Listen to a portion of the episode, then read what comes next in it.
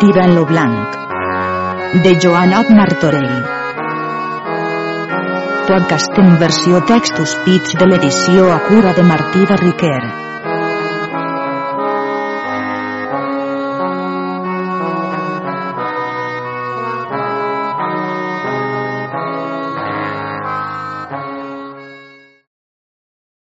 Episodi 1.5 Part primera, tirant a Anglaterra.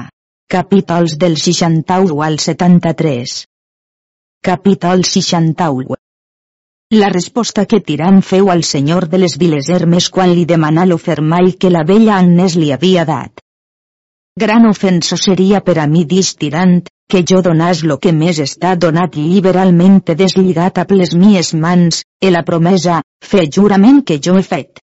Bé seria tengut per lo més vil i abatut cavaller que ja més en lo món fos nate per a naixer, e bacinet ple de foc me deurien posar sobre lo cap si jo tal cosa feia.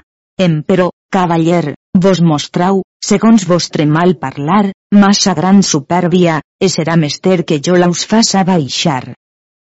Lo cavaller feu demostració de voler-li llevar lo fermall, emperò tirant fon avisat, que més mansa una copa gorja que portava, e tots los altres arrancaren, e allí fon entre ells una brega civil, emperons que fossen de partits i moriren dotze entre cavallers e gentils homens.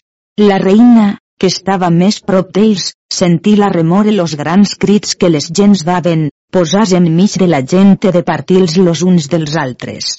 A jo us ne puc bé contar noves, que fui nafrat de quatre colps en la mia persona, en molts altres per fer-me companyia.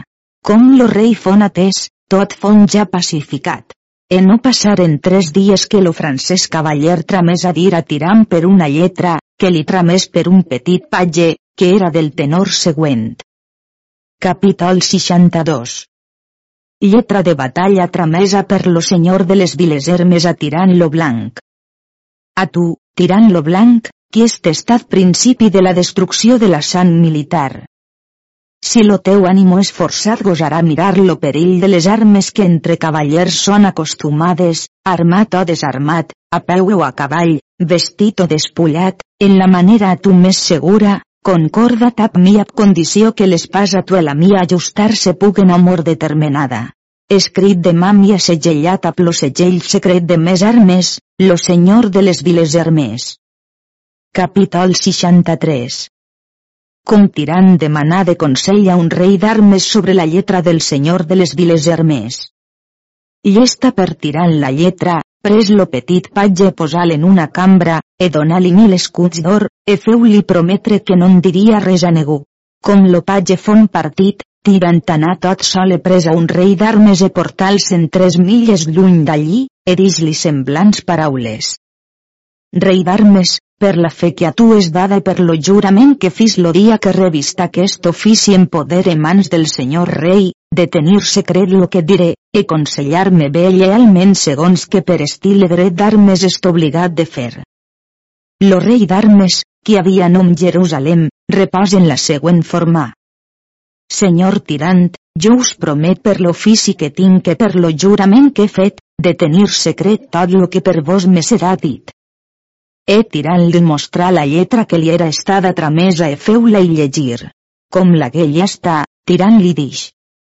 Mon bon amic Jerusalem, jo tindré amb molta glòria de poder complir la petita voluntat d'aquell virtuós cavaller, lo senyor de les viles Hermes. Eh per quan jo sóc jove no sé la pràctica ni l'estil de cavalleria, que ara he complits vint anys, e confiant de la vostra molta discreció, vos demane de consell perquè so cert que sou pràtic entre reis e grans senyors, e sabeu tot l'estil d'armes molt millor que negun altre. Eh lo que us he dit no penseu que per poc ànimo ni temor ho diga, mas pense que no fes ofensa a la majestat del senyor rei, qui tantes d'honors me fa, per so com ell ha ordenat en son regne lleis morals en aquest pas honrat de cavalleria, perquè no volria ésser blasmat dels bons cavallers que per aquest cas me poguessin reprochar per defalliment negu. Respòs lo rei d'armes en la forma següent. Capítol 64 Lo consell que Jerusalem, rei d'armes, dona a Tirant lo blanc. O cavaller, jove virtuós i de bona ventura, amat de totes gens. Lo consell que la mercè vostra a mi demana jo el vos daré jo el salvaré davant la majestat del senyor rei i los jutges del camp, vos, tirant lo blanc, podeu bé combatre aquest cavaller sens reproche negune blasme negu de rei, jutges ne de cavallers, per quant ell és requeridor e vos defenedor, ell és principiador del mal e tos temps sereu excusat. Eh jo prenc tot lo càrrec sobre mi. Si ningú vol dir res de vos, jo us salvaré la vostra honor davant tots los bons cavallers. Sabeu quan seria lo dane culpa vostra? Si vos fosseu estat requeridor, el o senyor rei qui us ha dat primer que a ningú l'orde de cavalleria, e mudar pràctiques e lleis en s'acord, no poseu dubte ningú, vos calleu en cas de blasme entre los bons cavallers, e per so feu com a bon cavaller e mostrau tos temps a les gens ànimo esforçat de cavaller. És i escriptura de la mia mà vos volreu, jo la us daré del consell que us he dat. Anau prestament a la batalla no us faça temor la mort. Molt estic consolat de bé a fer dix tirant, del consell que dat m'haveu, per so con me dieu que no puc ser reprès per lo senyor rei, dels jutges ni dels cavallers. Ara vull vos molt pregar, Jerusalem, per l'ofici que teniu, de ser jutge de nostra batalla, del Senyor de les viles Hermes e de mi, e tot passe per la vostra mà per so que façau ver testimoni de tot lo que passarà entre ell i mi a tots los qui us ho demanaran. Dix Jerusalem. Jo, de concordar-vos seré molt content. Emperò jo no podria ésser jutge de vosaltres, segons requir l'ofici nostre, e dir-vos per què, car negun cavaller, rei d'armes, era autopor sabant que done consell, no pot ser jutge, car gentilea poria ésser difraudada. Ni monsenyor lo rei d'Anglaterra, si és jutge d'una batalla, per ser senyor de tots, en son consell no deu dir paraules favorables de negu, e si ho feia poria ésser dit injust jutge, e tal batalla no deuria haver lloc. Posat cas lo fos vençut, davant l'emperador amb testimonis dignes de fe se poria retractar tal batalla. Emperò, perquè no perdau vos o ell lo premi de la batalla, jo us hauré jutge competent, en res a vos i a ell sospitós, és del nostre ofici, rei d'armes creat, qui es nomena clarós de Clarença, home molt entès en les armes. Bé el conec distirant, e bé sóc content que ell ho sia, si al senyor de les viles Hermes plau, perquè és bon rei d'armes e darà l'honor a aquell qui la sabrà guanyar. Eh vull que siau avisat de tot, sois, com ell m'ha tramès aquesta lletra per un petit patge, e si jo li trametia la resposta per un altre semblant, lleugerament se podia saber, e la batalla no vendria a la fi que ell i jo desitjam.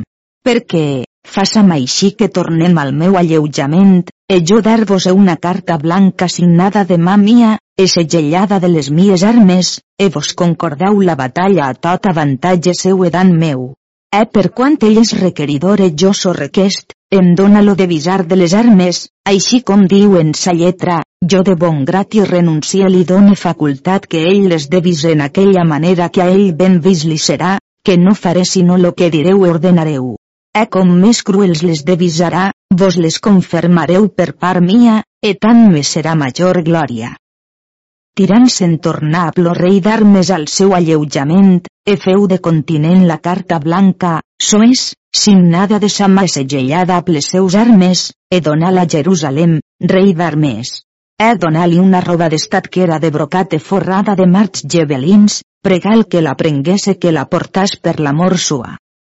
Lo rei d'armes se partí per dar compliment a la batalla, e cercar tots los estats del rei i de la reina, com veu que no el podia trobar entrar dins la ciutat e trobar dins un monestir de frares que es confessava.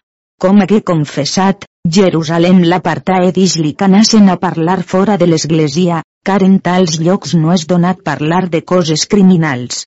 Prestament que eren de l'església de lloc sagrat, e Jerusalem feu principi a tal parlar. Senyor de les viles Hermes, jo per mon ofici seria molt consolat que pogués posar pau e bona confederació entre vos e tirant lo blanc.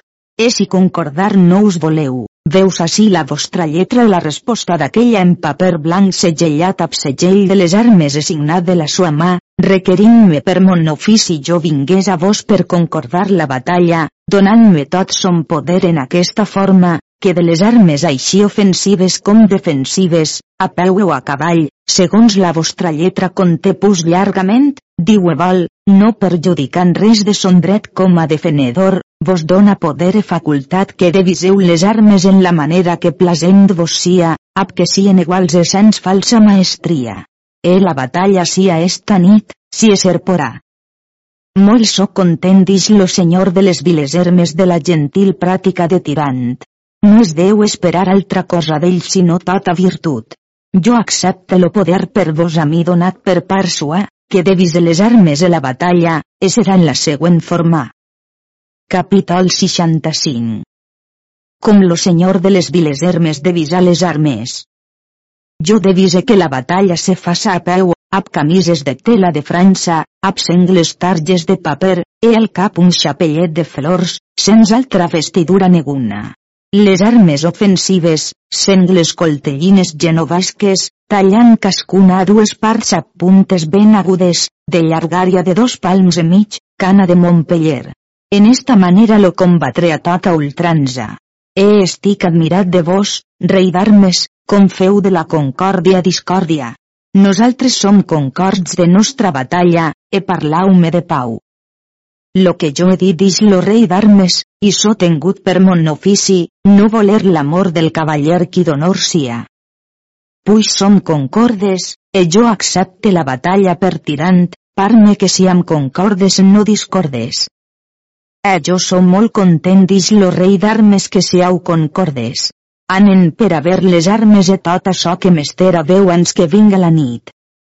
De continent los dos anaren a comprar les coltellines e feren-les molt bé esmolar, e feren fer les puntes molt ben agudes, e hagueren drap de tela de França, e molt pres feren tallar e cosir les camises, e feren-les un poc llargues, e les manegues curtes fins al colze perquè no els torbassen en lo combatre, Après hagueren un full de paper e partiren-lo per mig, e de cascun mig feren una tarja a manera d'adarga, mirau quanta defensió podia fer mig full de paper. Com de tot hagueren compliment, dix lo cavaller al rei d'armes. Vos qui haveu concordat la batalla e sou per la part de tirant, jo no desitge haver negu per la mia sinó sol Déu les mies pròpies mans, les quals són acostumades de llavar-se en la noble sang militar preneu l'una part de les armes, e la que vos deixareu jo prendré.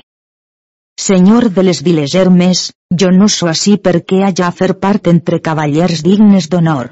Jo so obligat per mon ofici consellar e concordar a cavallers a gentils homens, e no fer part neguna, car si vos me daveu quan teniu, jo no difraudaria me llicència e cercau altri qui no us sia sospitós.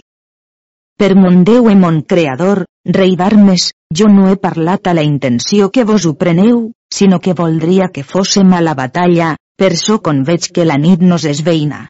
Puix sou nostre jutge, feu que la fi prestament se veja. Senyor, jo us diré com serà dix lo rei d'armes. Jo no puc ser jutge entre vosaltres per quan jo he aconsellat a vos e a tirant, e podria ser reptat, si tal cosa feia, com injust jutge. Emperò joure un altre jutge competent, en res no sospitós a vos ni a ell, lo qual se nomena Clarós de Clarença, rei d'armes e home molt sabent en la guerra i en armes molt destre, qui és vengut ara novament a Ploduc de Clarença, és persona que per son oficient se deixaria morir que venir en res contra l'honor sua. De tot seré content dix lo cavaller, puix la cosa vinga en igualtat e sia secreta i jo us do la fe dix lo rei d'armes de no manifestar a que és feta persona del món sinó a clarós de Clarença. Ara dix lo cavaller, preneu les armes e portau-les a tirant, e prenga-les que millor li parran. A jo esperar-vos en aquella ermita de Santa Maria Magdalena, per so que si em veia algú de ma companyia pogués mostrar que estic així per fer oració. Partís Jerusalem, he anar a cercar de Clarença, rei d'armes, per tots los estats. Com l'hagué trobat, dix-li tot l'ésser, e l'altre dix que ho faria de bona voluntat. Però l'hora era ja tarda, que el sol havia complit son viatge, e per l'escura nit no volia posar en perill dos cavallers, mas lo següent dia de matí, quan lo rei seria en missa la gent seria assossegada, que en aquella hora era content d'ésser jutge. Jerusalem tornà a tirant e dis-li tot lo que era mester dir a ponestar de son ofici, el recital de la forma de la batalla com s'havia de fer, e les armes que havia de visades, e que trias d'aquelles dos la que millor li paregués. Ec al matí, com lo rei seria en missa, se faria la batalla. Puix la batalla no és esta nit distirant, no vull tenir les armes en mon poder, car si jo el vencia o el matava no volria digués la gent que hi hagués fet algun art en les armes tenint-les la nit, e per això l'havia vençut, així com feren aquells dos cavallers qui al port de la mar matalú a l'altre après deien que a part de nigromància era estada feta la llança ab que el matà. No les vull veure ni tocar fins en aquella hora que farem la batalla. E tornau-les al senyor de les vilegermes, e demà, com la batalla serà, que les porté, que bé trobarà qui les prendrà. Com Jerusalem mou i parlar en tal so atirant, miral en la cara d'ix. O cavaller virtuós en armes experimentat. Si desaventura de mala sort no és contrària a la persona vostra, digne mereixedor sou de portar corona real, jo no puc creure que no siau vencedor d'aquesta batalla. Partis lo rei d'armes de tirant, e anà a l'ermita on estava l'altre cavaller e dis-li. Com l'hora era tarda lo jutge no podia bé jutjar la batalla si de dia no era, mas que havien concertat per a l'endemà. Com lo rei entraria en missa per so com los cavallers los uns acompanyaven lo rei, los altres la reina, los altres per veure les galants dames estaven tordats. Lo senyor de les viles Hermes dix que era content, los reis d'armes, bon matí perquè no fossin vists de negu, prengueren los dos cavallers e portaren-los enmig d'un bosc, que per negu no podien ésser vists. Com veren que estaven en lloc dispost, Jerusalem feu principi al següent parlar. Cavallers de molta virtut, veus així la mort de sepultura vostra. Aquestes són les armes per a que es cavaller de visades e per tirant acceptades. Cascú prenga la part que li plaurà. He posar-les en la vella herba del prat.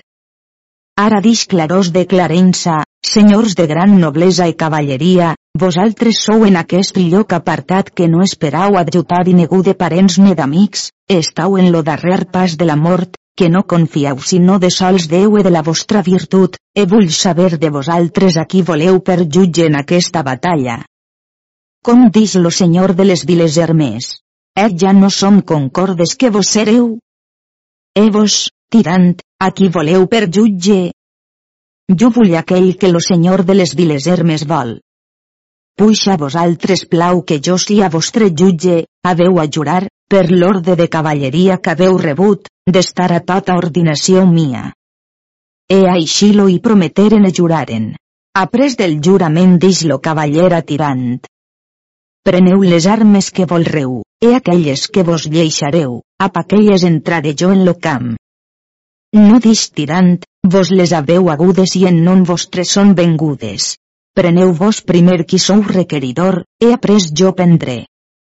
E estigueren los cavallers al tercamp per punt d'honor. Lo jutge, per cessar porfídia, pres les armes, les unes posà a la part dreta les altres a la sinestra, he pres dues palles, una llarga i l'altra curta. Dix lo jutge. Qui prendrà la més llarga prenga les armes de man dreta, e qui prendrà la curta, les armes de mà sinestra. Com cascú hagué preses ses armes, en un punt se foren despullats tots l'ús, e vestiren-se les camises doloroses qui pogueren ésser dits celicis d'amargor. Lo jutge feu dues ratlles en lo camp, e posà-lo en una ratlla, e l'altre en l'altra, e manals negu no es mogués fins a tant que ell ho digués. Tallaren rames d'un arbre perquè lo jutge pogués estar a manera de cada fal. Com tot fon fet, lo jutge anà al senyor de les viles Hermes e dis-li paraules de semblant estil. Capítol 66 Lo raonament que lo rei d'armes, com a jutge de la batalla, feu als dos cavallers. Jo soy jutge per lo poder per vosaltres a mi dat. He per dret de mon ofici so obligat d'amonestar e pregar vos, e a vos primer, qui sou requeridor, que us placia de no voler venir en tan estret pas com és aquest. Ajaudeu davant los vostres ulls, en no vulleu morir així desesperat, car bé sabeu que l'home qui l'amor se procura, de justícia nostre Senyor no li perdona, és eternalment damnat. Deixen per ara aqueixes paraules dix lo cavaller, car cascú coneix en si lo que val ni pot fer, així en lo temporal com en l'espiritual. Feu venir a tirant ací davant mi e per ventura por ésser que ens concordarem. Non par que demanau erreau dix lo jutge. Vosaltres sou iguals en lo camp, convendrà que ella vos? Empero ves tu, Jerusalem, e digues a tirant si volrà venir ací per parlar a paqués cavaller. Jerusalem anà tirant e dis-li li seria plasent d'anar fins allí. Respòs tirant. Vos qui sou fel entre nosaltres, digau-me, si lo jutge m'humana, que jo hi vaig a, jo de bon grat iré, per lo cavaller que allí està no volria donar un pas avant ni altre atrás per quant ell val. Jerusalem dix-li com lo jutge per dret de son ofici era obligat de fer son poder de concordar als cavallers que no venguessin en tan gran perill. Parla tirante dix. Jerusalem, diga-ho al cavaller que jo no sé causa que jo dega anar a ell. Si ell vol res de mi, que vinga ací. Aquell torna la resposta. Dis-lo jutge. Ben que tirant fa lo que fer Déu. Però, cavaller, vos podeu venir fins enmig del camp e tirant vendrà allí. E així fon fet. Com los dos foren presents, l'u de l'altre, lo senyor de les viles Hermes feu principi a tal parlar. Capítol 67 Com fon feta la batalla de Tirant amb lo senyor de les viles Hermes. Si tu, Tirant, vols haver pau, amor e bona voluntat amb mi, e volràs que perdone a la tua joventut, ho faré ab condició tal que em dones lo fermall d'aquella inclita senyora dona Agnès de Berrí, ensems a la coltellina que tens en la mà i la tarja de paper, perquè ho puga mostrar a les dames d'honor. Car tu saps bé que no és digne ni mereixedor de posseir cosa alguna que sia d'una tan alta i tan virtuosa senyora com aquella, per quan lo teu estat, llinatge condició no és suficient per a descalçar-li lo tapí escaerre. Ni és per igualar-te a mi, sinó que jo, per la mia benignitat, he volgut consentir d'igualar-te a mi e de voler-me combatre amb tu. Cavaller distirant, no ignore la tua gentilea, qui est, que vals ni què pots fer. Emperò no som ara en temps ni lloc que hajam a venir a mèrits dels llinatges. Mas jo so tirant lo blanc, amb l'espasa en la mà, rei, duc, comte ne marquès refusar no en pot. Açò notori és a les gens. Emperò, en tu prestament poria on trobar tots los set pecats mortals. He pensat que a paraules vils e deshonestes me penses espantar donar càrrec a mi a ma condició. Dic-te que de tan lliber cavaller com tu és no men tinc per injuriat ni em tendria per lloat si negun ben deies, car sentència és com una que tant val a l'home ser lloat de mals homes com ser lloat de males coses. Vingam a la batalla e façam-lo perquè hi som, e no estigant més en superflues paraules de poc valer, car sol un cabell de mi fos caigut en terra no el te volria haver dat ni consentiria menys que el prenguesses. Puix concordar no us voleu dix lo jutge, voleu vida o mort? Dix lo senyor de les viles Hermes. Ben dol l'amor d'aquest jove superbo. Vingam a la batalla cascú torne a son lloc. Lo jutge pujà alt en un cadafal que s'havia fet de rames e dix cridant. Sus, cavallers, cascú faça com a valent e bon cavaller. L'u anà de vers l'altre com a homes rabiosos. Dels primers colps que es tiraren, lo cavaller francès portava la coltellina al damunt lo cap, e tirant la portava damunt los pits.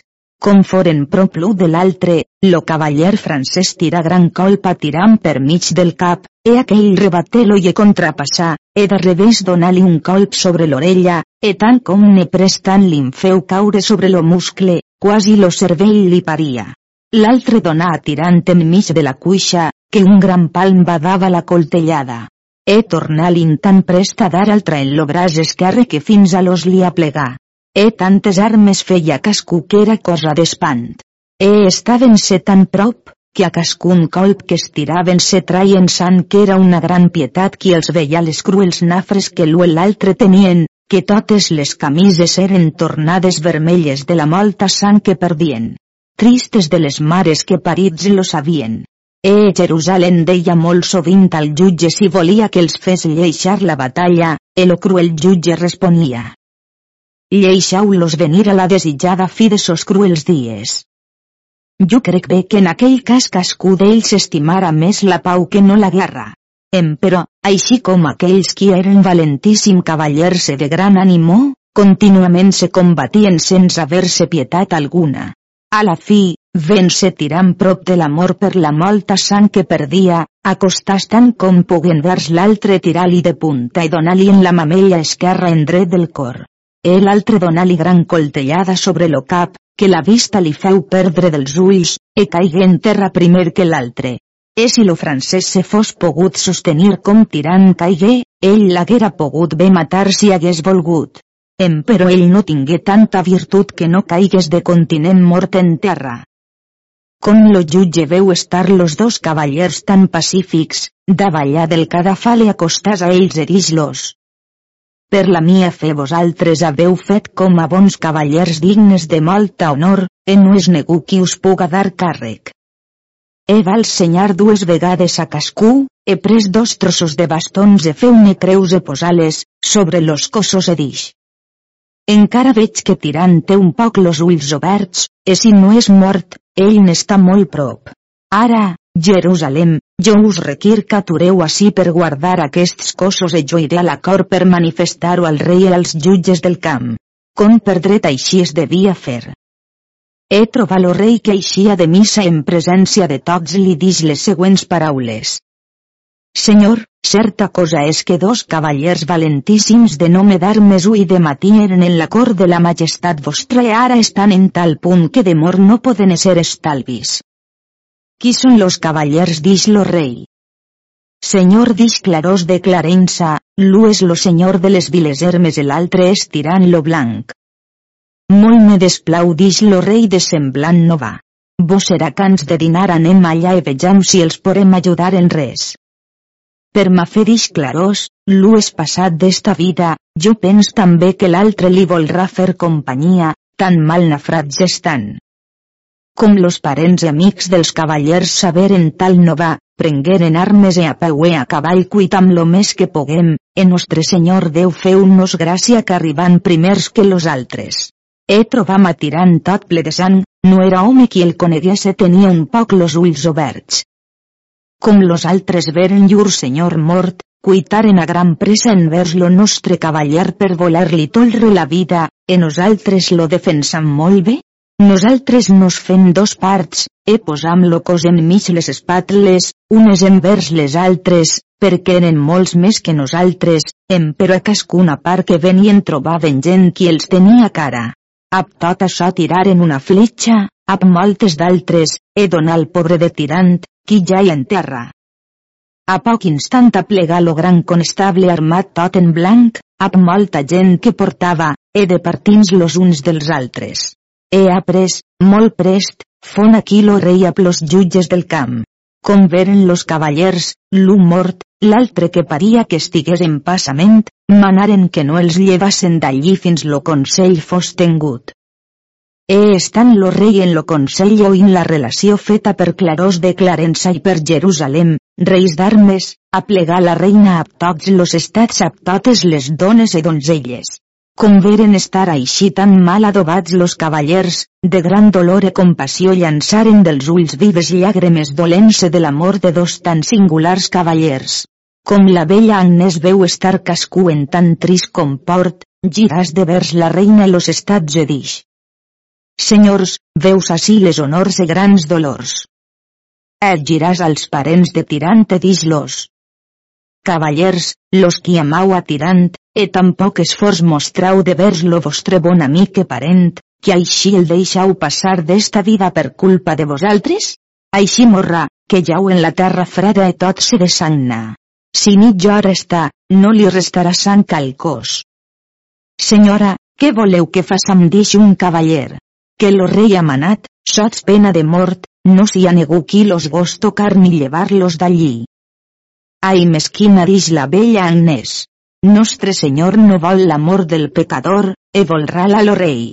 feu-li portar un llit en què estiga la sua persona i posem-lo allí fins a tant que lo rei hagi tingut son consell, car lo vent li entra per les nafres e fa-li molt gran dan. De continent los parents trameteren per un llit e per una tenda. E en aquest espai que ells anaven, tirant bascava molt per les nafres qui es refredaven e la molta sang que perdia. E com la vella Agnès veu així forment congoixar a tirant, dix. Per ma consciència, jo no de que ser inculpada de pare ni de mare, de germans ni de parents, ni del senyor rei ni de la senyora reina, puix ho fas amb santa intenció. Despullàs les robes que vestia, que eren de vellutat blanc forrades de marcs gebelins, e feu-les posar en terra, e feu posar a tirant sobre la roba pregar moltes de les sues donzelles se despullassen les robes se les posassen sobre tirant. Com tirant sentir la calor de la roba trobar gran remei obrir los ulls més que ans no havia fet. E la vella Agnesa sigués prop d'ell e pres lo seu cap e posal sobre les sues faldes e dix. Ai trista de mi, tirant. I tan mal fer mal fon aquell que jo us doni. Mal dia, mala hora mal signe fon aquell quan jo el fiu fer pitjor com lo us doni. E si sabés que tal cas se n'hagués a seguir, no el vos volguera haver donat per cosa en lo món, em però l'aventura cascú las procura, e jo, trista de mi, reste adolorida de la gran desaventura de vosaltres, car jo puc ser dit causa de tot aquest mal. Prec vos, cavallers, tots los qui amau gentilesa, que em porteu així, prop de mi, lo cos del senyor de les viles Hermes, car puix no l'he volgut amar en vida, vull li fer honor en la mort. E prestament lo hi portaren, e feu-li posar-lo cap sobre les sues faldes a la part sinestra, e dix. Deus així amor e dolor. Aquest senyor de les viles Hermes Casí ja ho tenia de son patrimoni 37 castells, en aquells ciutats e viles forges circuïdes de moltes torres e de bell mur, e tenia una ciutat entre les altres, que es nomena Hermes, e un fortíssim castell qui es nomena Viles, e per so era intitulat lo senyor de les Viles Hermes, home de gran riquesa, e molt valentíssim cavaller, que valia tant com negun altre cavaller pogués valer, e confiant del seu esforçat animó, podeu veure lo pobre de cavaller en què és vengut, que set anys ha volgut perdre per amar-me, e a la fi aquest és lo premi que n'ha hagut. He ha fetes de singulars cavalleries per amor mia desitjant haver-me en so senyoria per lícit matrimoni, so que ja més haguera aconseguit per jo ésser de major autoritat de llinatge de béns de fortuna. Ja més volguia adherir en cosa que fos en plaer e contentació sua, e ara lo pobre de cavaller és mor per zels, per sa gran desaventura.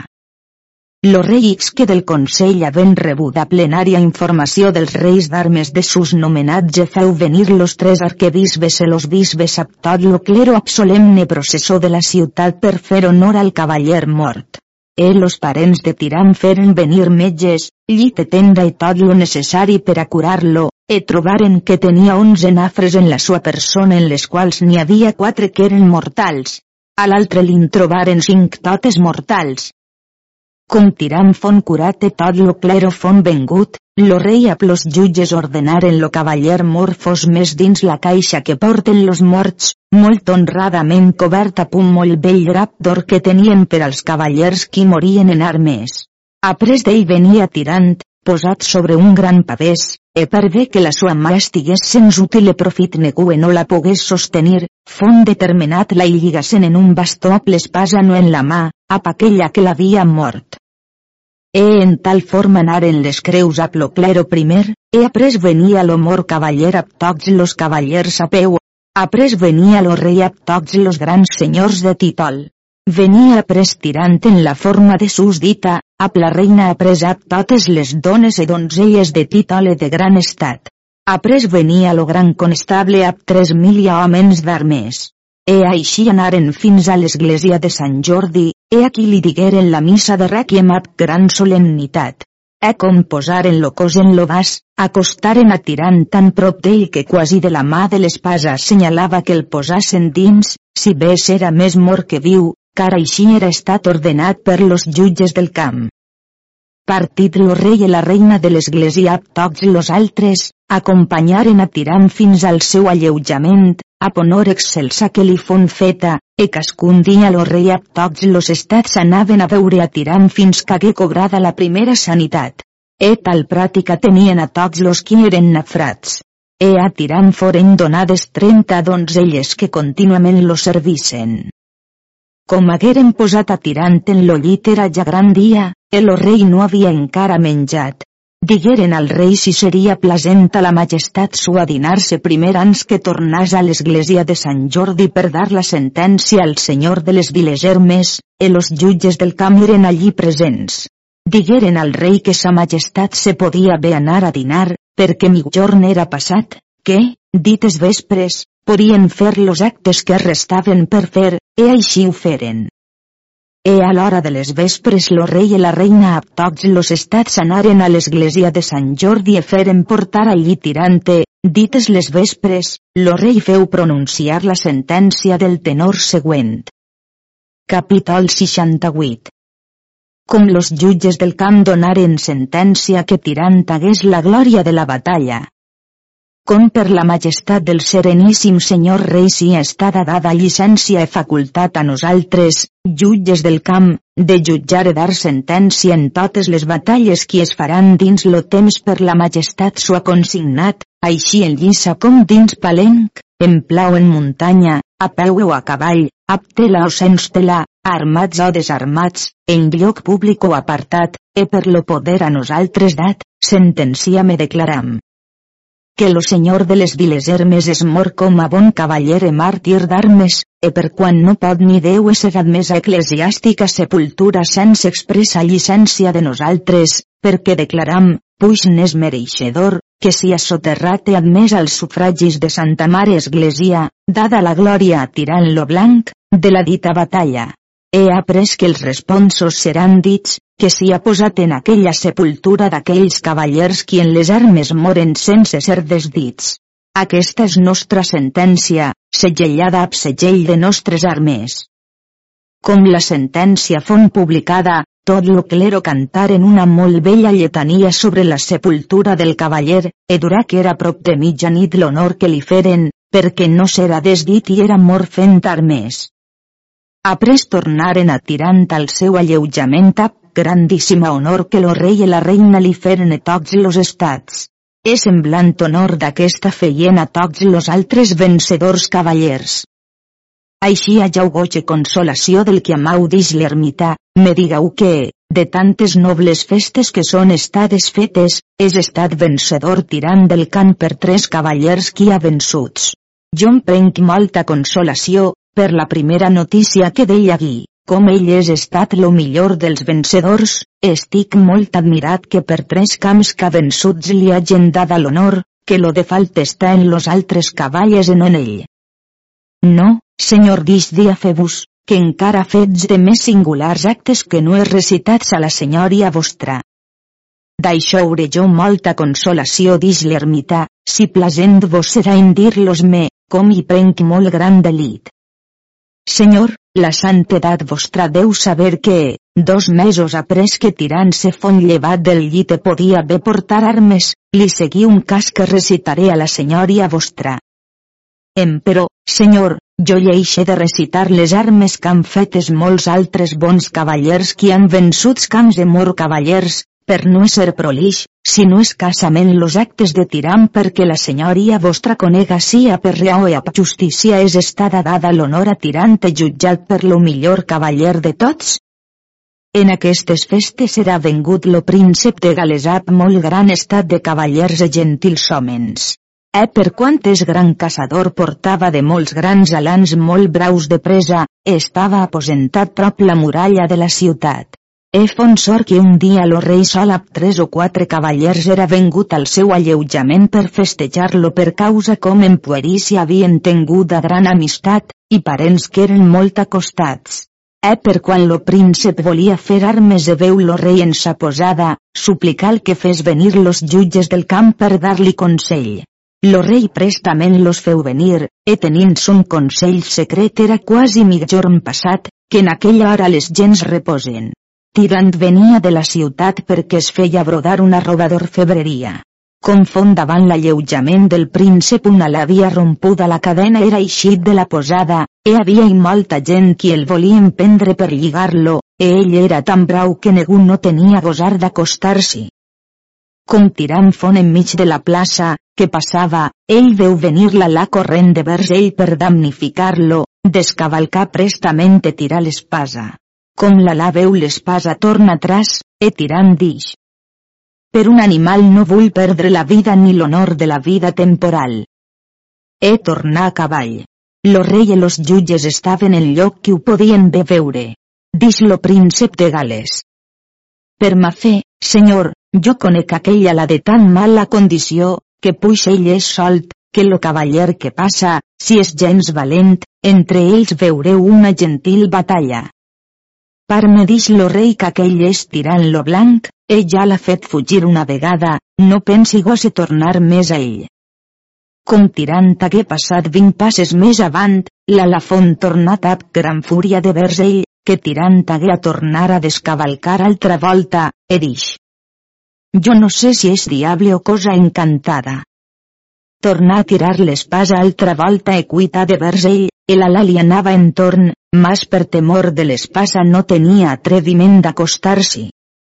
Ara dix tirant, puix conec tu has temor de les mies armes, no vull que diguen de mi que a part més sobergues me so combatut ab tu. Llançà l'espasa detrás. Ell la donà dos o tres salts equita tant com pogué, e a ples dents pres l'espasa i aparta-la un tros lluny, e tornar corrent envers tirant. Ara som a la cominal tirant, ap aquelles armes que em vols damnificar, ap aquelles te damnificaré. Abraçar el sap gran furor l'u a l'altre, e amorsos mortals se daven. L'ala era molt gran e sober que feu caure tres voltes a tirant en terra, e tres voltes lo sot sobrar. Entre ells durà que es combat mitja hora, el príncep de Gales manà tots los seus no s'hi acostàs negu per departir-los fins a tant que l'u fos vençut. Lo pobre de Tirant tenia moltes nafres en les cames i en los braços. A la fi Tirant a les mans lo pres per lo coll, estreguel tan fort com pogué, e a ples dents mordel en la galta tan ferament que mor lo feu caure en terra. Los reis que prestament a los jutges, e prengueren a tirante portarenlo en la casa del príncep, e allí feren venir los metges, e curaren a tirant. Per la mia fe dix lo príncep de Gales, jo no volguera, cavaller, per la millor vila d'Anglaterra, vos haguésseu mort lo meu alà. Senyor dix tirant, així Déu me deixe guarir d'aquestes nafres que tinc, per la meitat del vostre detatge no volria estar en lo punt que estic. Com la reina les donzelles saberen lo cas de Tirant, prestament lo vengueren a veure. Com la reina lo veu tan mal aparellat dis-li. Tirant, ab male treball se guanya honor, eixiu d'un male donau en altre. Sereníssima senyora, complida de totes les humanes i angèliques perfeccions, la majestat vostra sia jutge de mon pecat tirant. Jo no anava per mal fer res m'he aparegut un diable en forma de gos, ab consentiment de son senyor, e desitgim un desig complir. No us deveu de res entrestir dix la reina, per molts mals que seguir-vos puguen, car aquí mostrareu més la virtut. Ja més fon negu, sereníssima senyora, que em vestris dix tirant per gran pèrdua que fes, ni menys alegrar més per molt de bé que aconseguís. És tan veritat que la pensa de l'home està vacilant, el cor algunes vegades se mostra alegre, altres fa demostració de tristor. Mas qui ha acostumat de sostenir treballs i congoixes, en afres e forts desaventures, no es pot esmallar de res que li puga esdevenir. Més nou a la mia persona una sin rau que veja fer que tots los perills en què jo em pogués veure. En això ix que lo rei a plos jutges e digueren a tirant, per so com ells havien vist lo combat d'elle de l'Alà, e per quant havia llançat a l'espasa los dos eren iguals d'armes, los jutges li daven honor e premi de la batalla com si hagués vençut un cavaller en camp. E manaren als reis d'armes, era ulge por abans fos publicat per tots los estats e per la ciutat de l'honor que a tirant font donada en aquell dia. E com lo portaren al seu alleujament li feren aquell honor que en les altres batalles li havien acostumades de fer. Après, senyor, de tot això, segons sabem, per relació de molts cavallers e gentils homens, com lo rei de Frisa i lo rei de Polònia, germans de pare i de mare, s'amaven d'amor extrema i desitjant-se molt veure, deliberaren d'anar en Roma l'any passat, perquè era la santa perdonança del jubileu, e trameteren a dir-lo a l'altre que es trobassen en certa jornada en la ciutat d'Avinyó, e d'allí ensems partiren per anar en Roma, e per semblant hi anaren molt altres grans senyors per guanyar la santa perdonança.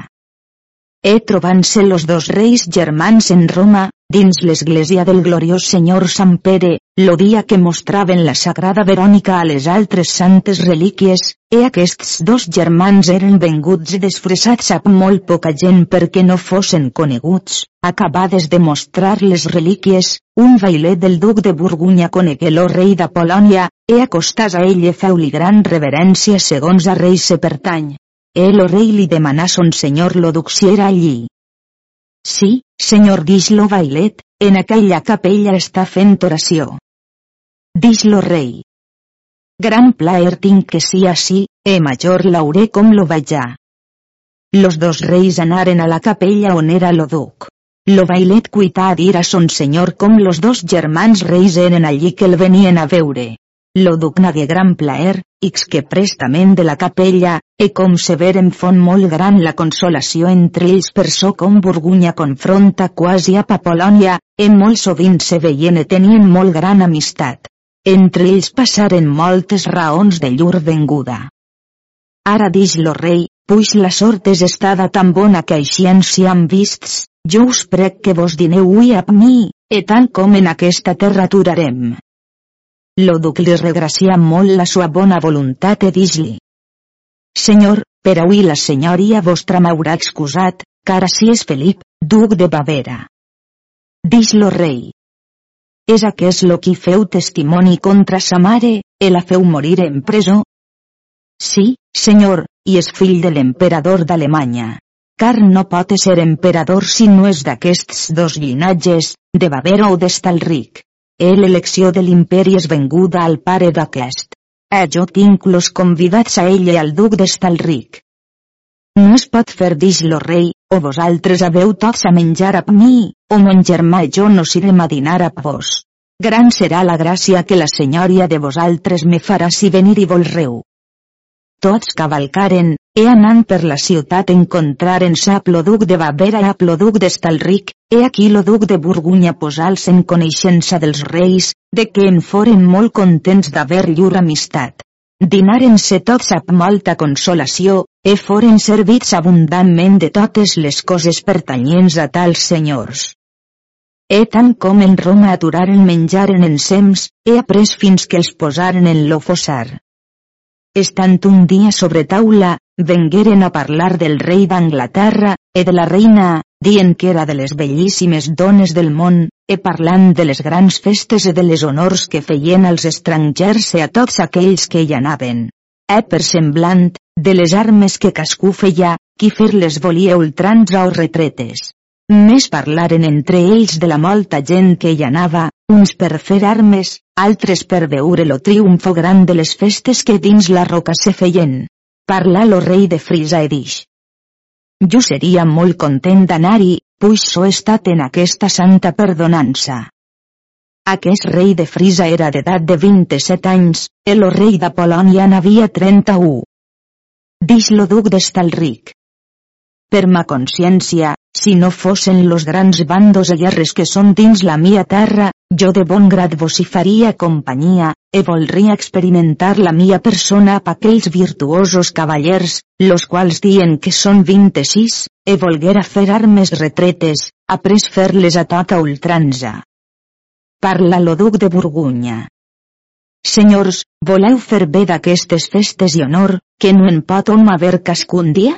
Si a la senyoria de vosaltres serà plasent d'anar en Anglaterra, jo lleixaré tots los afers que tinc a fer ací a plopare sant, e de bon grat vos faré companyia. E prometen poder de vosaltres, com a cavaller que so, de ja més tornar en la mia terra fins a tant jo hagi combatut un cavaller a tota ultranza. Senyor duc dix lo rei de Polònia, puix lo meu germà, rei de Frisa, té voluntat d'anar-hi, de bon grat vos ofir d'anar a vosaltres e fer armes així perilloses com negu que hi sia. lo fill de l'emperador, duc de Bavera, dix. Senyors, no restarà certament per mi l'empresa, que de bon grat jo no hi vaja. Puix som concordes dix lo rei de Frisa, si han tots quatre juramentats de servar amor i lleialtat los uns als altres en aquest viatge, en no hi haja entre nosaltres majoritat ni senyoria, sinó que tots siam iguals, germans i frares d'armes. Tots lloaren i aprovaren lo dit del rei de Frisa i tots ensems anaren a l'església de Sant Joan de Lletra, e damunt l'altar feren son jurament solemne. Après meteren-se en ordre de tot lo que els era necessari, així d'armes com de cavalls, en moltes altres coses que après s'enomenaran, e per ses jornades, per terra i per mar, arribaren a la delitosa illa d'Anglaterra, que ja més se donaren a conèixer a.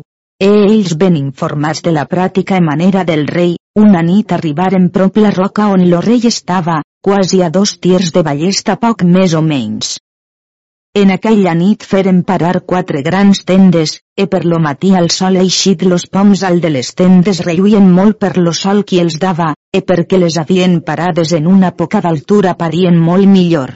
Los qui primer les veren ho anaren a dir als jutges del camp, e aquells ho digueren al rei delibera lo rei, ab consell dels jutges, de trametre i un rei d'armes per saber quina aventura era aquella.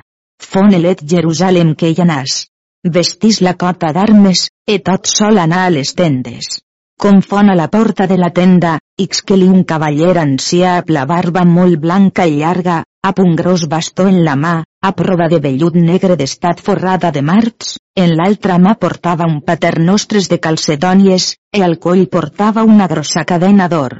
Com lo rei d'armes veu lo cavaller sol, fon admirat, llevas lo barret del cap feu honor de cavaller. E lo cavaller ancià gran afabilitat li reté les saluts, em però no li parla ni li dix res. E Jerusalem li dix. Senyor cavaller, qui es vulla que vos siau, Monsenyor lo rei a plos jutges del camp m'han manat venir ací per visitar e haver notícia de vos, si sou mestre senyor d'aquesta companyia, o dels altres qui capitans són, per so que jo puga fer verdadera relació, vos hauré a molta gràcia que em digueu tot vostre ésser, e si jo us poré servir de mon ofici jo seré pres d'obeir a tots vostres manaments. Lo cavaller, Oh i té-lo perquè venia, sens parlar-li mot tornàs a llevar lo barret del cap, abaixant un poc lo cap, mostrant-li regraciava tot lo que dit havia, he pres-lo per la mà. E primerament lo posà en una tenda on havia quatre cavalls sicilians molt grans e vells a les celles acerades i les brides totes daurades. Après lo portà en altra tenda on hi havia quatre llits de camp molt singulars i molt vells. Quina era la singularitat d'ells dix l'ermità? Senyor, jo us ho diré, en cascun llit hi havia còceres en matalafs, e los papallons eren de brocat verd, la forradura dins era de setí carmesí, tots brodats d'orfebreria amb molts batents que penjaven, e com gens de vent feia tots se menejaven. E tal era l'un llit com l'altre, e tots d'una color e d'una faisó sens que no hi havia milloria neguna. Als peus de cascun llit estava una donzella galantment abillada, e d'inestimable bellea, e açò feia, senyor, lo llit singular. E los dos llits estaven a l'un cap de la tenda los altres dos estaven a l'altre cap, e com entraven en dret de la porta de la tenda estaven quatre escuts penjats molt bé pintats. Après lo portà en una altra tenda i a la porta estaven quatre grans lleons coronats, e com veren a Jerusalem tots se llevaren en peus, e ell hagué molt gran temor. E prestament fon aquí un petit patge, e a una verga prima donar cascun un colp, e prestament se tornaren a agitar en terra. Com fon dins la tenda veu quatre arnesos molt bé febrits e ben punt, amb quatre espases molt ben guarnides e ben daurades. E al cap de la tenda, un poc més de la mitjania, estava una cortina de vellut verd, e veu que un altre petit patge tirà la cortina, el rei d'armes veu quatre cavallers asseguts en un banc, e tenien en dret dels ulls una gran tovallola de fil de seda ben clara, ells podien ben veure a tots los qui eren en la tenda los altres no els podien bé divisar. E tenien esperons calçats i espases nues, la punta en terra lo pont prop dels pits. Com lo rei d'armes hagué estat mirant un poc espai, lo cavaller ancià lo tragué de fora i posal en una altra tenda.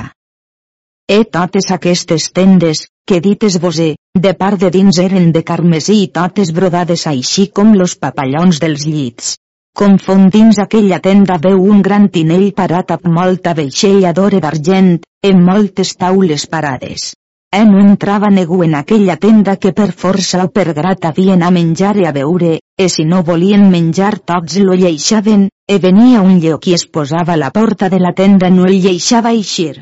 Molta d'honor fon feta al rei d'armes, e com hagué menjat, que se'n volia anar, l'ancià cavaller pres del tinell un gran pla d'argent qui pesava 35 marcs, daurat, e donà-lo i aplocomiat.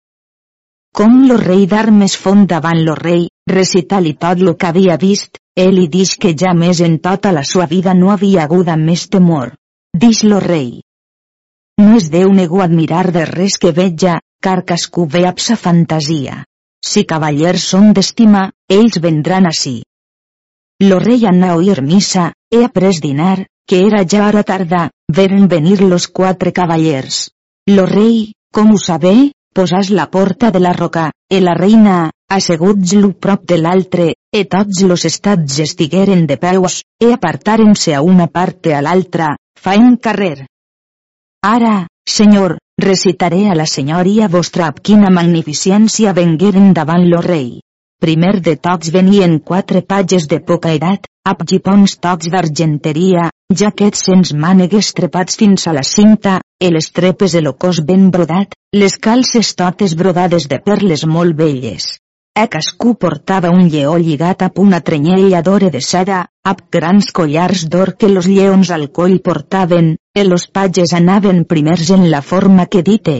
Après venien los quatre cavallers a cavall amb sengles a caners totes blanques a guarniments de vellut morat e brodats d'una divisa i d'una color, les robes que portaven eren de domàs burell, les manegues obertes e feses a costats, amb gipons de brocat carmesí, portaven papafigos de vellut negre, al cap portaven capells de palla coberts tocs dalt de planxes d'or a forma de teulada, e sobre los papafigos portaven grosses cadenes d'or, los estivals eren de setí negre, amb les llargues polaines que parien molt bé amb los esperons ben daurats, e los estivals eren forrats de fina grana, e la volta dalt que fan prop la cuixa eren brodats de grosses perles orientals molt fines.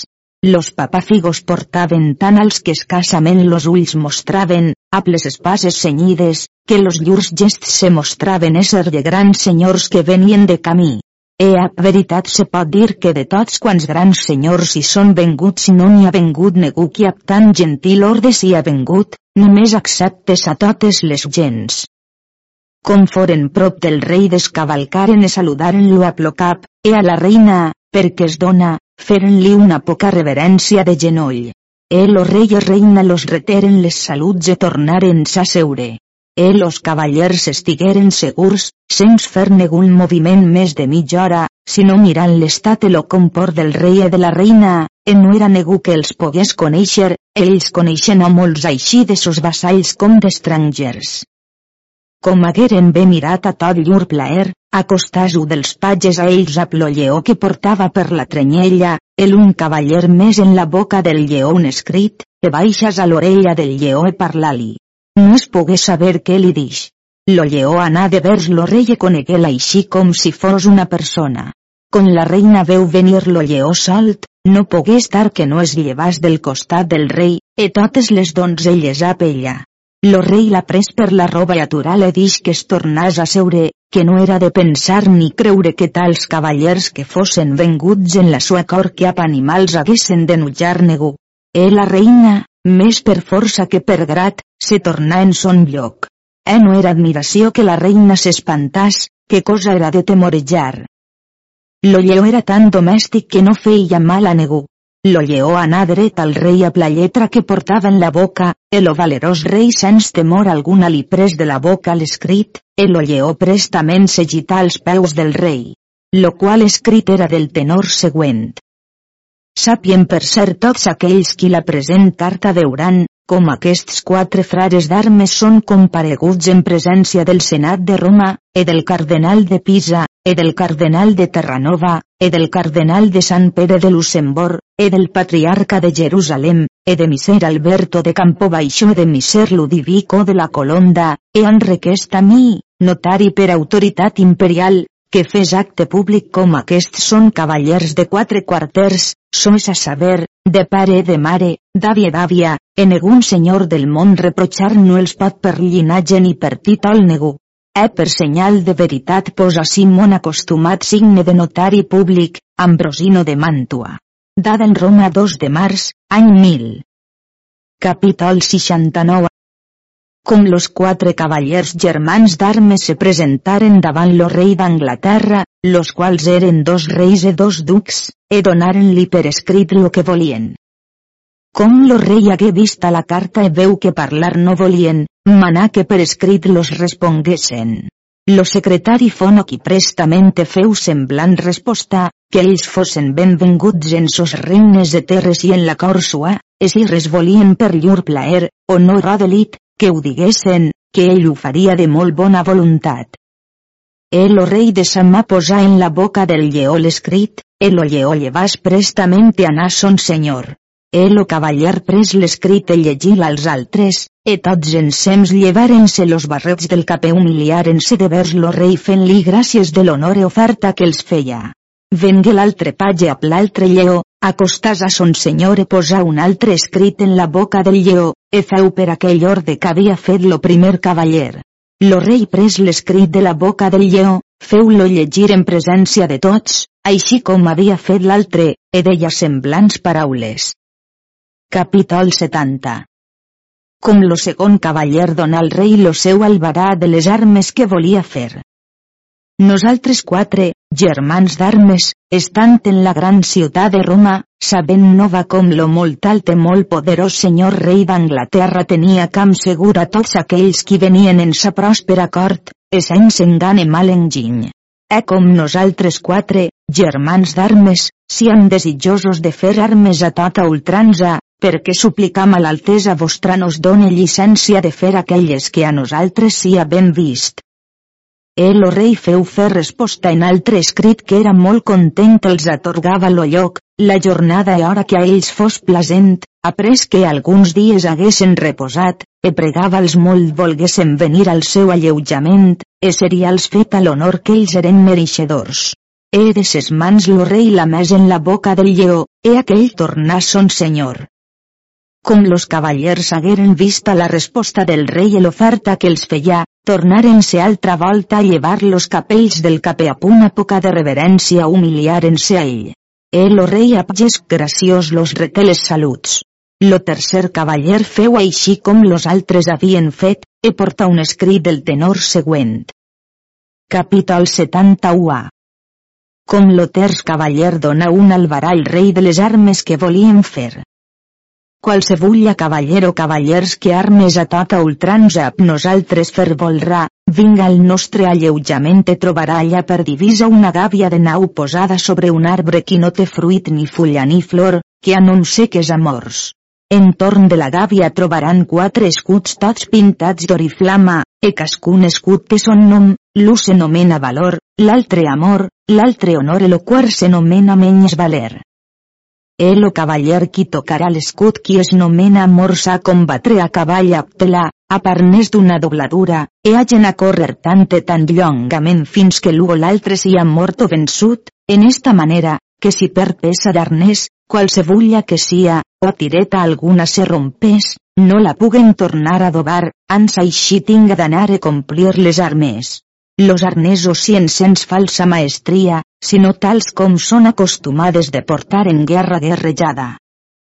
Qui tocarà l'escut que es nomena honor, ha de fer les armes sens tela, l'arnès sens guarda neguna ni tarja ni escut, nevaire escut, i la llança o llança siente de set palms, sens rodar ni altra maestria ferros esmolats, e si per llança o la rom, ne puga haver tantes com li plaurà fins a tant que mort o vençut sia.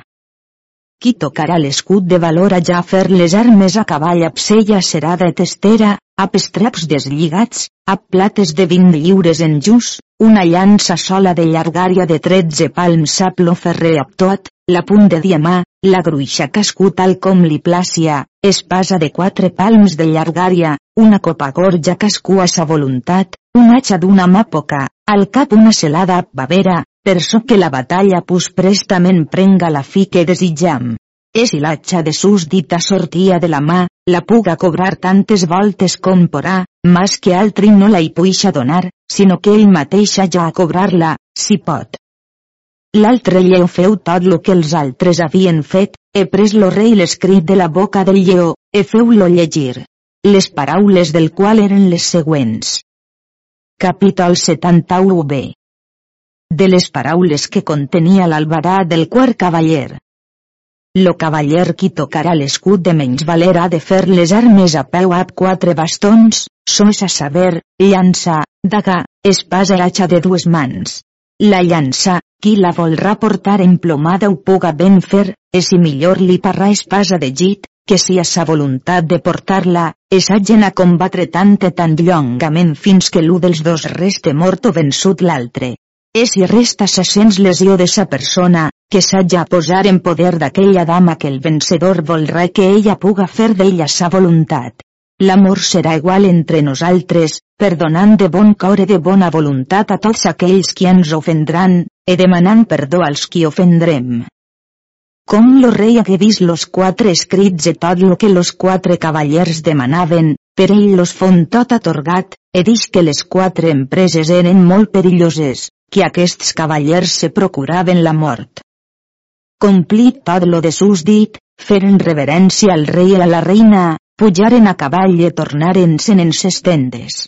Lo rei dix a un rei d'armes que anàs als quatre cavallers e que els digués que ell los pregava que aquella nit venguessin a sopar a pell. E feu carregar trenta sembles de vitualles e de totes les coses necessàries per a la humanal vida, e a plo rei d'armes los ultramés. Com los quatre cavallers veren la bona voluntat del rei, regraciaren-lo i molt, e per escrit li respongueren que al present no acceptarien donatiu de persona del món es darien a conèixer fins haguessen complides ses armes, e açò no feien per desal de saltesa sinó per quant ho tenien en vot, e que li'n feien infinides gràcies. E no volgueren res prendre. Al rei desplagué molt com veu tornar les exemples carregades, e de la resposta que havien feta. Après, senyor, los quatre cavallers aquella nit feren molt ricament en paramentar la gàbia de la nau, en torn de la gàbia posaren los quatre escuts a punt escrit qui deia, qualsevulla cavallera o cavallers qui vendran per tocar aquests escuts, hagen a portar un escut amb les armes pintades d'aquell cavaller qui volrà fer les armes, e aquell escut no puga portar si no dona o donzell al rei d'armes, era autopor savant, e ap aquell escut hagen a tocar en l'escut de la gàbia segons les armes que volrà fer, ell eixar aquell escut al costat de l'altre. L'endemà hi anaren molta gent per veure lo gran estat de magnificència que tenien, e a tots quants hi anaven daven a menjar molt copiosament a la real. E los llurs compradors res que comprassen no pagaven sinó amb moneda d'or, es i res hi restava ho lleixaven, que no ho volien, que no volien que tocassen moneda blanca. Lo dia següent de matí anaren a l'alleujament del rei per oir missa a pell, e vengueren devisats en altra manera, soes, ap robes de brocat carmesí forrades d'erminis, llargues fins en terra, ap papafigos d'altra color molt ben brodats de grosses perles, ap capells fets a modo de Turquia, ap cins d'or massís, ap paternostres de calcedònies que cascú portaven les mans molt grossos i molt vells. E venien a peu ap los quatre lleons que els feien companyia, e cascun lleó portava en la boca unes hores molt ben guarnides. E estigueren en una gran sala per bon espai esperant lo rei quan eixiria de la cambra. Com lo rei los veu fon molt content de la llur venguda. La reina que, el rei li dix que prengués los dos cavallers, que ell ne prendria los altres dos, car ell coneixia que eren senyors de molta autoritat i estima. Lo rei pres los dos per les mans, e la reina los altres dos, e lo rei i la reina anaven enmig, e los de la reina la prengueren del braç, e així anaren tots fins a l'església, e ans que començassen la missa lo rei los dix. jo no sé l'honor que us puga fer, per no saber vosaltres qui sou, e molt me plauria, puix no us voleu dar a conèixer a mi, que placi a cascú de vosaltres prendre lo lloc segons l'estat en què nostre Senyor Déu vos ha posats, si sou reis, prenguésseu lo lloc que reis són mereixedors, e si sou ducs per lo semblant, o de qualsevol altre estament, fer-vos-hi a la més honor que jo poria i ells, a plo cap baix, regracien al rei l'honor e profertes que els feia, en no volgueren res dir de paraula ni per escrit. Ab tot això lo rei manà que els fessen seure los primers de tots prop de l'altar, e los lleons allí prop d'ells, e prengueren les hores als lleons, de les boques, e digueren ses hores. Com la missa fondita, tornaren les hores als lleons e posaren-se en companyia del rei i de la reina. Com foren dins la roca estaven mirant aquella magnificència dels estats i avillaments que dins la roca eren, e prengueren molt gran plaer en veure aquelles dones d'argent com llançaven aigua vi per les mamelles i per la natura, estaven molt admirats, dient ab senyals e per escrit que això era fet a plo major orde subtil inventiva que ja més ells haguessin vist. E per molt que lo rei los pregàs, no volgueren restar per dinar-se a pell, e prengueren comiat e tornaren-si a llur alleujament.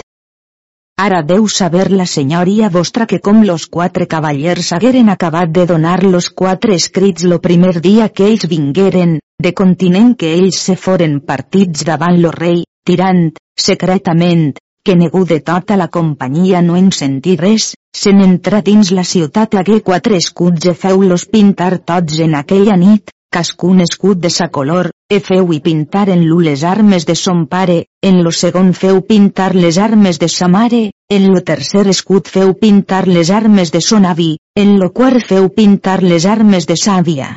E en aquest espai que los escuts se pintaven, vereu molts cavallers s'ajustaven de quatre en quatre per voler-los combatre? Així n'hi havia de França, d'Itàlia, d'Aragó, de Castella, de Portugal i de Navarra, en los quals hi havia de molt bons cavallers experimentats en armes que els volien de lliurar i molts ho posaven per obra.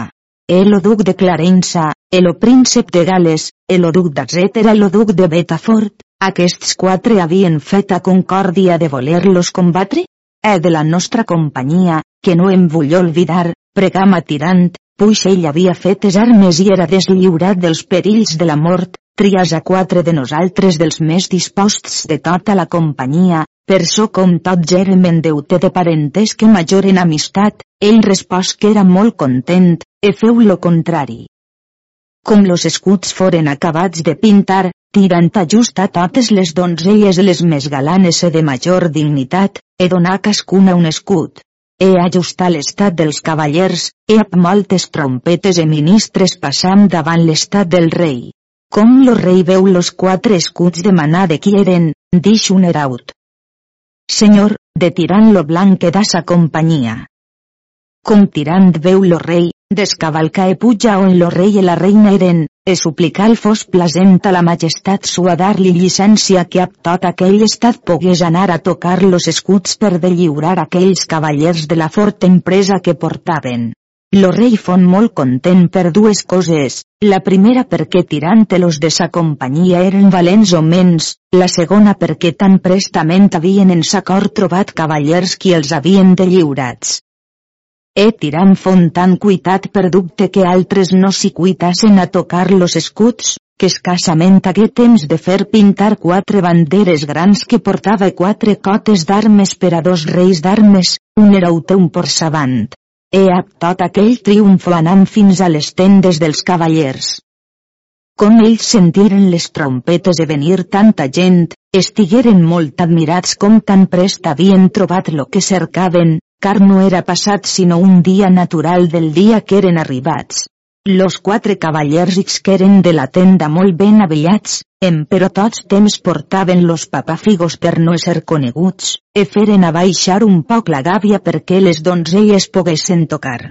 La primera de totes que toca fon la vella Agnès, e tocar l'escut d'amor, si bé li eren més prop los altres escuts, em però ella anà llegint les lletres en no volgué tocar sinó amor. Dona Guiomar, filla del comte de Flandes, no volgué tocar sinó l'escut de valor. Cassandra, filla del duc de Provença, no volgué tocar sinó l'escut de menys valer. La vella Sanspar, filla del duc d'Anjou, fon contenta de tocar en l'escut d'honor. Com totes hagueren tocat, penja cascuna l'escut que portava al costat d'aquell escut que havia tocat, e així estaven tots per ordre, que lo cavaller qui vencés se n'havia a portar lo seu i lo de l'altre, car així era ordenat. Com tots los quatre escuts foren penjats, los quatre cavallers descavalcaren les quatre galants de més qui los escuts havien portat, e cascú pres la sua del braç e tots descavalcam e portaren-nos dins la tenda on eren los llits. He dis-lo dels cavallers a la vella Agnès per escrit. Per ma fe, madama, si vos en camisa estàveu gitada en aquest llit, i les altres per semblant, tota una nit d'hivern, jo podria ben dir que en tot el món no es trobarien quatre llits més singulars. A vosaltres, cavallers, no fretura la companyia nostra dix la vella Agnès, car jo veig allí quatre gentils dames qui en la nit vos tenen companyia, perquè no us cal més desitjar. Del bo, tria un lo millor dix lo cavaller. He prestament fon aquí la col·lació molt gran i abundosa de moltes maneres de confits. E al partir que fem, lo cavaller donà a la vella Agnès unes hores molt singulars e de ric guarniment. L'altre cavaller donà dona Guiomar un braçalet la meitat d'or mig d'acer amb molts diamants e altres pedres fines. L'altre cavaller donà a Cassandra una serp tota d'or que es mordia en la coa, molt rica de pedres precioses, e los ulls tenia de dos grossos robins. La vella Sanspar tenia los cabells molt rossos i molt llargs, dona-li una pinta tota d'or l'altre cavaller, en no de menys estima que les altres joies. E als reis d'armes, era ulls e porçavants, e trompetes e ministres, mil nobles a cascú. E ja més volgueren deixar les donzelles fins que foren a l'estat de la reina, qui era en aquell cas a rei. E lo rei rebelsap molta d'honor e afabilitat. E estant davant lo rei, los quatre cavallers a punt escrit suplicaren al rei i als jutges del camp que prop de les llurs tendes poguessin fer una lliça nova, per quan la que ells tenien ja feta, tants o menys hi eren morts, que no era sinó sepultura de cavallers, el rei a plos jutges foren molt contents que fos feta. Rebuda la resposta, prengueren llicència del rei e tornaren sen, e ordenaren de continent de fer la lliça. A cascun dia, senyor, se mudaven de vestidures de gran estima i de nova manera. He puc ben dir a la senyoria vostra que molts grans senyors són estats malcontents de tiram per emprendre de fer aquestes armes, per so com ells les volien fer. Après que la lliça fon feta los cavallers hagueren reposat, posaren un escrit a la porta de la roca, qui deia que lo cavaller que havia tocat l'escut d'amor de ser en lo camp lo tercer dia. E tirant dies havia que estava en ordre esperant quan lo demanarien. Venint lo dia assignat, tirant ajusta totes les sues donzelles a tot l'estat dels cavallers, e anar a totes les acostumades gales. El o rei i la reina eren ja en lo camp alt en los cadafals. Com tirant a plegar, trobar un cavaller al cap de la tela, he rebut tirant per los fels, tancaren la porta de la lliça, e posaren-lo a l'altre cap de la tela. Com la trompeta sonà, los cavallers feriren los cavalls dels esperons e feren moltes carreres de molt vells encontres. Lo cavaller encontrà tirant en una carrera feril sobre lo rest, esquillà i no presses corregui al guardabràs dret, ell va l'oí del tot amb molt cotó del gipó que la punta de la llança s'emportà, d'aquest colp tirant molt se n'esmaia. L'altra carrera lo tornà a encontrar alt en la xarnera de l'Elmet, e si dos dits més baix l'hagués encontrat, de mil vides no en tenia una, e allí on l'encontrà pres en la xarnera, e la llança no es rompe traguel de la sella i caigui en terra. Tirant tornar a cavall lo més pres que pogué. Està en veritat que Tirant havia fet dos encontres en lo guardabràs esquerre havia un poc desmarxat allí on venen quasi los més encontres. E a l'altra carrera que feren, tirant-lo tornar a encontrar en aquell guardabràs e romper lo cuiro per on passen les tiretes, e tenia lo guardabràs lligat de part de dins a una corda de seda tan grossa com lo dit, e les tiretes no es pogueren rompre perquè eren de cor de can en creu, e lo guardabràs li fora del tot caigut sinó per lo cordó de seda, e d'altra part li dava gran impediment perquè d'alt era desfet que poc útil li feia. E així feren moltes carreres, i a l'u fallia lo guardar braç dret a l'altre l'esquerre. La fortuna fon favorable a Tirant, que encontrà altra volta en aquell lloc mateix al cavaller pres-lo un poc alt, i les llances que eren grosses, lleval de lo braç, que li caigué sobre lo coll del cavall, que valer no se'n podia perquè los ossos eren romputs. El o miserable cavaller encara volia fer armes, que li lligassen lo braç, l'esperit li fallí, que no pogué més per la molta sang que perdia. Pres li espasme he tornat tot art en la sella que no el pogueren descavalcar sinó a placella en sems. Tirant se'n torna, armat així com estava, sens llevar-se l'elmé del cap a prestament l'altre cavaller dona un escrit al rei que en aquella hora mateixa volia combatre? E los jutges del camp digueren que no romprien per res les ordinacions del camp, com en aquell dia no s'hi podien fer dos morts, ni en tota la setmana que en camp haguessin entrar sinó los dies que eren elets per fer armes en lliça tota ultranza, e si això no els venia bé, que tenien llibertat d'anar-se'n tota hora que a ells plasen los fos. Ara que ens han mort un cavaller, nostre frare d'armes, dient que ens n'anem. O tots i morrem o tots venjarem l'amor d'aquest digueren los tres cavallers. Lo rei feu molta d'honor a la sepultura del mor cavaller, així com feien a tots los altres. Com lo portaven a soterrar, los tres cavallers se vestiren de vermell a proves de grana, e tot quan portaven era vermell significant venjança, e sense plorar ni fer negun senyal de tristor. Capítol 72 Com tirant entrar en lo camp amb los tres cavallers, l'u ha pres l'altre, e de tots fon vencedor. Venint lo dia que era signat per fer la batalla, tirant s'armà tan secretament com pogué. En aquest fet no pense la senyoria vostra que tots los de la nostra companyia hi sabéssim sinó tres de nosaltres, parents de Tirant, e un servidor seu antic. Tirant feu portar les banderes e sobrevestes per a ell per als reis d'armes herauts, de les armes de son avi, car les primeres foren de la via, e ben armat pujar sobre son cavall emparamentat. Aquest cavaller qui és així restà tancat dins una cambra perquè tirant l'ompregà molt, e tots se pensaven que fos ell. Tirant anà acompanyat en la manera acostumada com de sus és dit, confon dins la lliça ja trobar un cavaller de l'escut d'honor.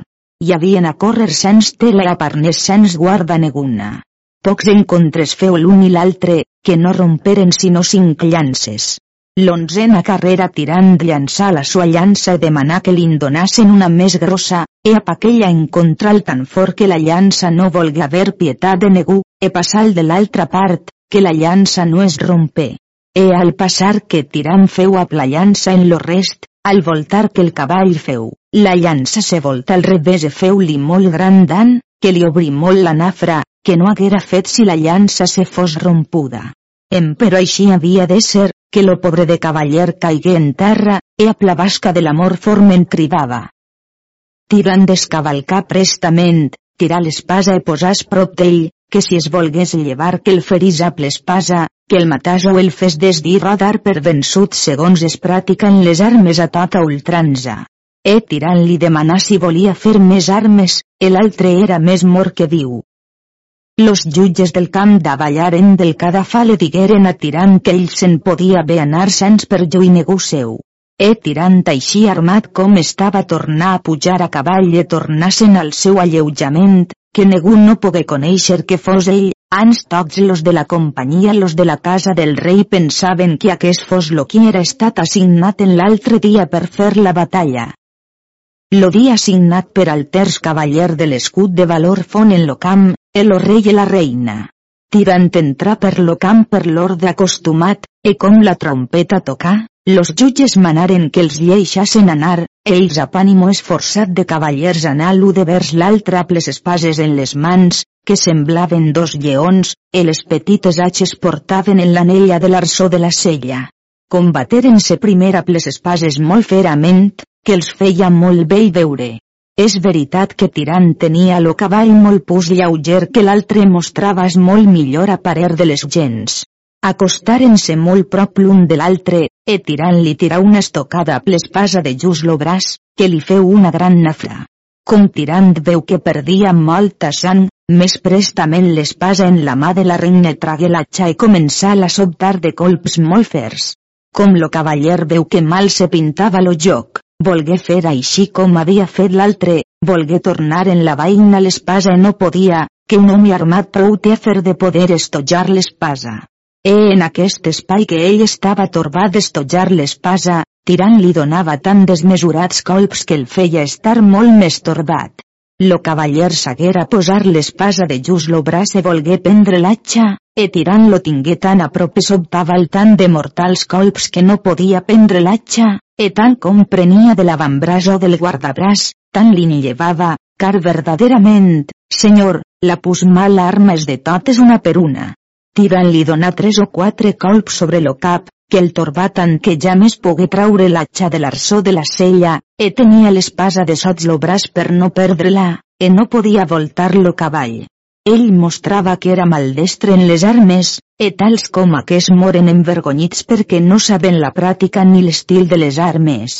E a parer del rei e de tots los altres, sens fer defensió neguna, morí molt desaventuradament no com a cavaller.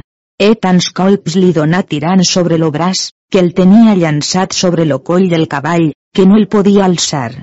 E lo darrer colp que li donà fons sobre lo cap, que tota la celada li enclotà dins lo cap, que lo cervell li feu eixir per los ulls e per orelles, e caigué mort del cavall. E tirant, a voluntat dels jutges del camp e dels fels, obriren-li la porta del camp, e les donzelles, qui ja esperaven per rebre'l, perquè havien vist mort l'altre cavaller, e amb molta alegria lo reberen amb molta honor l'acompanyaren fins al seu alleujament. Emperò tirant no es volgué desarmar-lo cap per no ser conegut. Avillàs molt bé, e tan secretament com pogués mesclar amb los altres cavallers. Bé fon mala sort dix l'ermità de morir així tres cavallers. Vejam lo quart quina fi feu. Capítol 73 com tirant vèncer lo quart cavaller. Senyor, la senyoria vostra deu saber que aquesta batalla s'havia de fer a peu. El dia signat ells entraren los dos en la lliça, present lo rei i la reina, los jutges del camp i tots los grans senyors que en la cort eren. E combateren-se molt ferament, e vengueren-se abraçar, e per força l'u l'altre lleixaren caure les atxes o tiraren les tagues, car de les espases no se'n podien servir, tant abraçats estaven. E tallaren-se les cordes de seda que los bacinets estaven lligats. Com dix l'ermità. E tampoc sap tirant los altres, que ap se vagen a lligar lo bacinet. Ap que es pot lligar millor dix dia febus, si Déu vos done llonga vida en aquest món e paradís en l'altre? Mon fill dix l'ermità, en lo temps de mon jovent, no que jo haja acostumat de portar ni de fer armes, mas estigui alguns dies a punt cavaller qui sabia molt en les armes, e viu-lo combatrent lliça tota ultranza, ell fora mort d'aquella volta si no fos estat lo cordó de seda que portava. E ara vos diré, mon fill, com se deu fer. Preneu fil de ferre d'aquell que posen en les llànties, que es doblega a totes parts, e cobriu-lo tot de seda a manera de cordó, e per fort que el lligueu tos temps presta es doblega en aquella part que el volreu, e si el volen tallar no poden, la seda podien tallar, mas no lo ferró. E aquest és bon secret en les armes. Ara vejam la fi de la batalla. Si us plaurà, senyor, diré a la senyoria vostra que estant ells així abraçats los cordons dels bacinets tallats, donaren-se molts colps l'u a l'altre, e los dos caigueren en terra i llevaren-se com a valents cavallers, e tan pres com foren de peus tornaren les tagues en les vaines e tiraren les espases, e tornaren a la batalla molt aspre cruel, que lo cavaller tenia gran desesperació per los tres germans d'armes que li havien morts, e feia molt gran esforç. E tirant s'esforçava per no perdre lo violari, que tantes armes feien los dos cavallers que tots los miradors n'estaven admirats, e prengueren plaer que tal batalla no vingués a fi perquè negu d'ells no morís. E tornaren-se altra volta a abraçar e hagueren a llançar les espases e venir a les tagues, e puc bé dir, senyor, que negu dels dos cavallers no fon afrat en lo cos, sinó en lo coll i en lo cap, davall lo bacinet, per so com lo bacinet estava fluix, posaven les tagues de just la falda del bacinet i allí se ferien malament. après tornaren a caure altra volta. El o cavaller portava l'arnès de les cames de paper engrutat cobert de fulla d'argent, que pròpiament paria arnès de cama i de cuixa, e de part detrás portava cuiro de bou clavat a plopeto, e anava molt lleuger, que tenia molt gran avantatge. Emperò, a la valentia que tenien los dos, se tornaren a llevar altra volta e tornaren a fer armes, mas estaven molt impedits l'un e l'altre, que no es podien dar tants colps com hagueren, per los bacinets que tenien deslligats, que els torbava la vista, que no es podien bé veure, però lo cavaller tan s'estrengué ap tirant que el feu caure en terra, e tirant lo tingué tan fort abraçat al caure que l'hagué a seguir, e los dos caigueren en terra. E tirant donà tan gran colp en terra del cap, que lo bacinet li sortí tres passes lluny, e trobàs més lleuger que de primer, e per temor de morir feu son poder de llevar-se ans que l'altre, e fon li ve mester, que com tirant font de peus l'altre tenia les mans a genolls en terra per llevar-se, e tirant, qui fon més prest llevat e veu l'altre qui estava ja per alçar-se, dona-li a les mans gran empenta e feu-lo caure de l'altra part, e tenia el tan a prop que no el lleixava menejar, e posar-li los genolls sobre lo cos per voler-li llevar lo bacinet.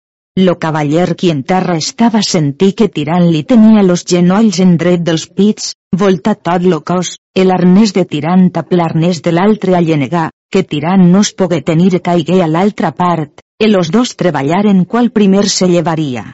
La sorte fortuna volgué ajudar a tirant, per so com lo bacinet li era caigut trobàs molt més lleuger que l'altre llevàs més prestament, que li valgué molt. Senyor, jo tinc compassió de l'amor d'aquests quatre cavallers germans d'armes com així moriren, e aquest ja més se volgué dar per vençut sinó que volgué morir martre d'armes. Eh, senyor, tirant hagut de grans ventures perquè és molt destre en les armes en més tegint que no força, e la major virtut que té és que li dura molt l'alè que si combat del matí al vespre, estiga tos temps armat, ja més se per per alè. Aqueixa és la principal virtut que el cavaller pot haver dix l'ermità qui ha de fer armes. Vejam vosaltres, cavallers qui sou jovens e sabents en l'exercici de les armes, qual estimaríeu més, ésser fort no destre ni ginyós, o molt destre e ginyós e no fort.